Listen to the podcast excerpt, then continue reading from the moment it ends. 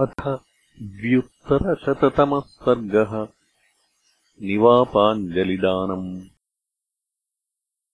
ताम् श्रुत्वा करुणाम् वाच्यम् पितुर्मरणसंहिताम्। राघवो भरतेनोक्ताम् बभूव गतचेतनः। तम् तु वज्रमिवोत्सृष्टम् आहवेदानवारिणा भरतेनोक्तम् अमनोज्ञम् परन्तपः। प्रगृह्य बाहू रामो वै पुष्टिताग्रो यथा द्रुमः वने परशुना कृतः तथा भुवि पपातः। तथा निपतितम् रामम् जगत्याञ्जगतीपतिम् कूलघातपरिश्रान्तम् प्रसुप्तमिव कुञ्जरम् भ्रातरस्ते महेश्वासम् सर्वतः शोककर्षितम् रुदन्तः सह वैदेह्या शिशुतुः सलिलेन वै। स तु संज्ञाम् पुनर्लब्ध्वा नेत्राभ्यामस्त्रमुत्सृजन्। उपाक्रामत काकुत्स्थः कृपणम् बहुभाषितुम्। स रामः स्वर्गतम् श्रुत्वा पितरम् पृथिवीपतिम्। उवाच भरतम् वाक्यम् धर्मात्मा धर्मसंहितम् किम् करिष्याम्ययोध्यायाम् काते दिष्टाम् गतिम् गते। कस्ताम् राजवराद्धीनाम् अयोध्याम् पालयिष्यति। किम् नु तस्य मया कार्यम् दुर्जातेन महात्मनः? यो मृतो मम शोकेन मया चापि न संस्कृतः। अहो भरत सिद्धार्थो येन राजा त्वया नघ। शत्रुघ्नेन च सर्वेषु प्रेतकृत्येषु सत्कृतः। निष्प्रधानामनेकाग्राम् नरेन्द्रेण विना कृताम् निवृत्तवनवासोऽपि नायोऽध्याम् गन्तुमुत्सहे समाप्तवनवासम् माम् अयोध्यायाम् परन्तप। को नु शासिष्यति पुनः काते लोकान्तरम् गते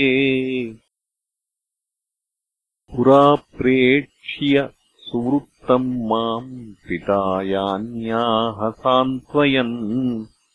वाक्यानि तानि श्रोष्यामि कुतः श्रोत्रसुखान्यहम्?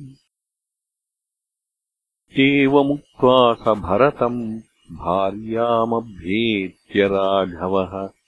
उवाच शोकसन्तप्तः पूर्णचन्द्रनिभाननाम् सीते मृतस्ते श्वशुरः पित्राहीनोऽसि लक्ष्मण। भरतो दुःखमाचष्टे स्वर्गतम् पृथिवीपतिम्। ततो बहुगुणम् तेषाम् बाष्पो नेत्रे स्वजायत। तथा ब्रुवति काकुत्थे कुमाराणाम् यशस्विनाम् ततस्ते भ्रातरः सर्वे भृशमाश्वास्य राघवम्। अब्रुवन् जगति भर्तुः क्रियतामुदकम् पितुः। सा सीता स्वशुरम् श्रुत्वा स्वर्गलोकगतम् नृपम्। नेत्राभ्यामश्रुपूर्णाभ्याम् अशकन्नेक्षितुम् पतिम् सान्त्वयित्वा तु तान् रामो रुदन्तीम् जनकात्मजाम्। उवाच लक्ष्मणम् तत्र दुःखितो दुःखितम् वचः। आनयेऽङ्गुलिपिण्याकम् क्षीरमाहरतोत्तरम्।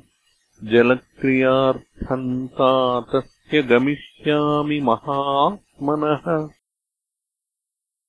सीतापुरस्ताद्व्रजतु त्वमेनामभितो व्रज।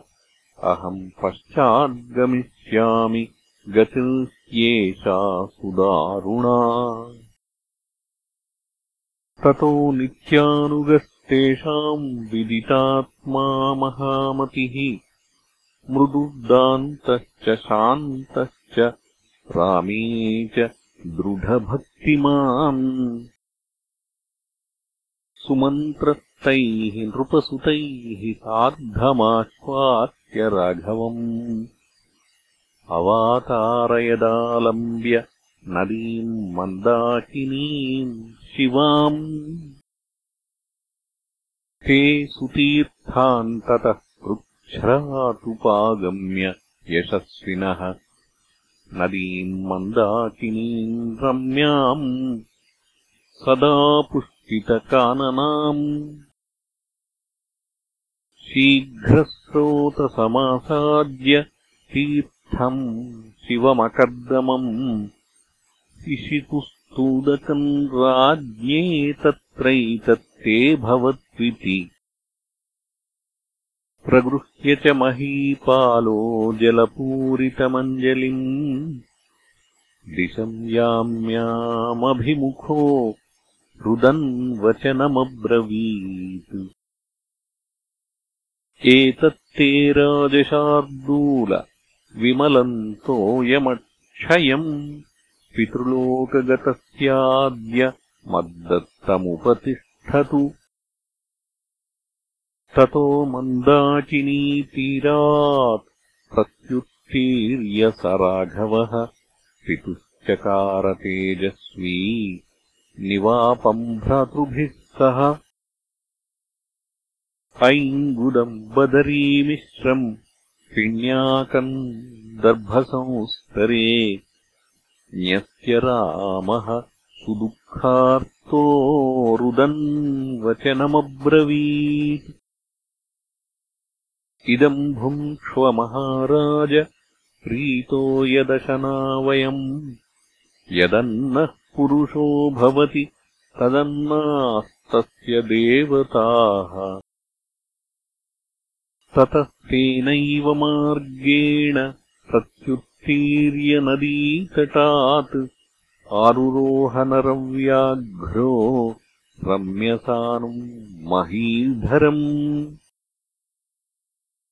ततः पर्णकुटीद्वारम् आसाद्य जगतीपतिः परिजग्राहबाहुभ्याम् उभौ भरतलक्ष्मणौ। तेषाम् तु रुदताम् शब्दात् प्रतिश्रुत्को भवद्गिरौ भ्रातॄणाम् सह वैदेह्याः सिंहानामिव नर्दताम्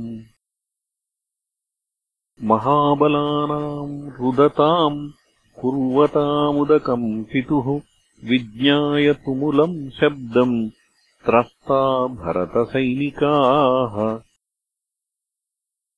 अब्रुवंश्चापि रामेण भरतः सङ्गतो ध्रुवम् तेषामेवम् महान् शब्दः शोचताम् पितरम् मृतम् अथ वासान् परित्यज्य तम् सर्वेऽभिमुखाः स्वनम्। अप्येकमनसो जग्मुः यथास्थानम् प्रधाविताः। हयैरन्ये गजैरन्ये रथैरन्ये स्वलङ्कृतैः सुकुमारास्तथैवान्ये पद्भिरेव नराययुः। अचिरप्रोषितम् रामम् चिरविप्रोषितम् यथा द्रष्टुकामो जनः सर्वो जगाम सहसाश्रमम्। भ्रातॄणाम् परितास्तत्र द्रष्टुकामाः समागमम् ययुर्बहुविधैर्यानैः खुरनेमिस्वनाकुलैः सा भूमिर्बहुभिर्यानैः खुरनेमि समाहता मुमोच तुमुलम् शब्दम् द्यौरिवाभ्रसमागमे तेन वित्रासिता नागाः करेणुपरिवारिताः आवासयन्तो गन्धेन जग्मुरन्यद्वनम् ततः वराहवृकसङ्घाश्च महिषाः सर्पवानराः व्याघ्रगोकर्णगवया वित्रेसुः पृषतैः सह रथाङ्गसाह्वा नत्यूहा हंसाः कारण्डवाः प्लवाः तथा पुंस्कोकिलाः क्रौञ्चा विसञ्ज्ञाभेजिरे दिशः। तेन शब्देन वित्रस्तैः आकाशम् पक्षिभिर्वृतम् मनुष्यैरावृता भूमिः उभयम् प्रबभौ तदा। ततस्तम् पुरुषव्याघ्रम् यशस्विनमरिन्दमम् आसीनम् स्थण्डिले रामम् ददर्श सहसा जनः। विगर्हमाणः कैकेयीम् सहितो मन्थरामपि अभिगम्यजनो रामम् बाष्पूर्णमुखोऽभवत् तान् नरान् बाष्पूर्णाक्षान् समीक्ष्याथ सुदुःखितान्। पर्यश्वजतधर्मज्ञः पितृवन्मातृवच्च सः। स तत्र कांश्चित्परिशस्वजे नरान्। नराश्च केचित्तु तमभ्यवादयन् चकार सर्वान् सवयस्य बान्धवान्। यथार्हमासाद्य तदा नृपात्मजः। स तत्र तेषाम् रुदताम् महात्मनाम्। भुवम् च खम् चानुनिनादयन् स्वनः। गुहागिरीणाम् च दिशश्च सन्ततम् मृदङ्गघोषप्रतिमः प्रशुश्रुवे इत्यार्षे श्रीमद् रामायणे वाल्मीकीये आदिकाव्ये अयोध्याकाण्डे द्व्युत्तरशततमः सर्गः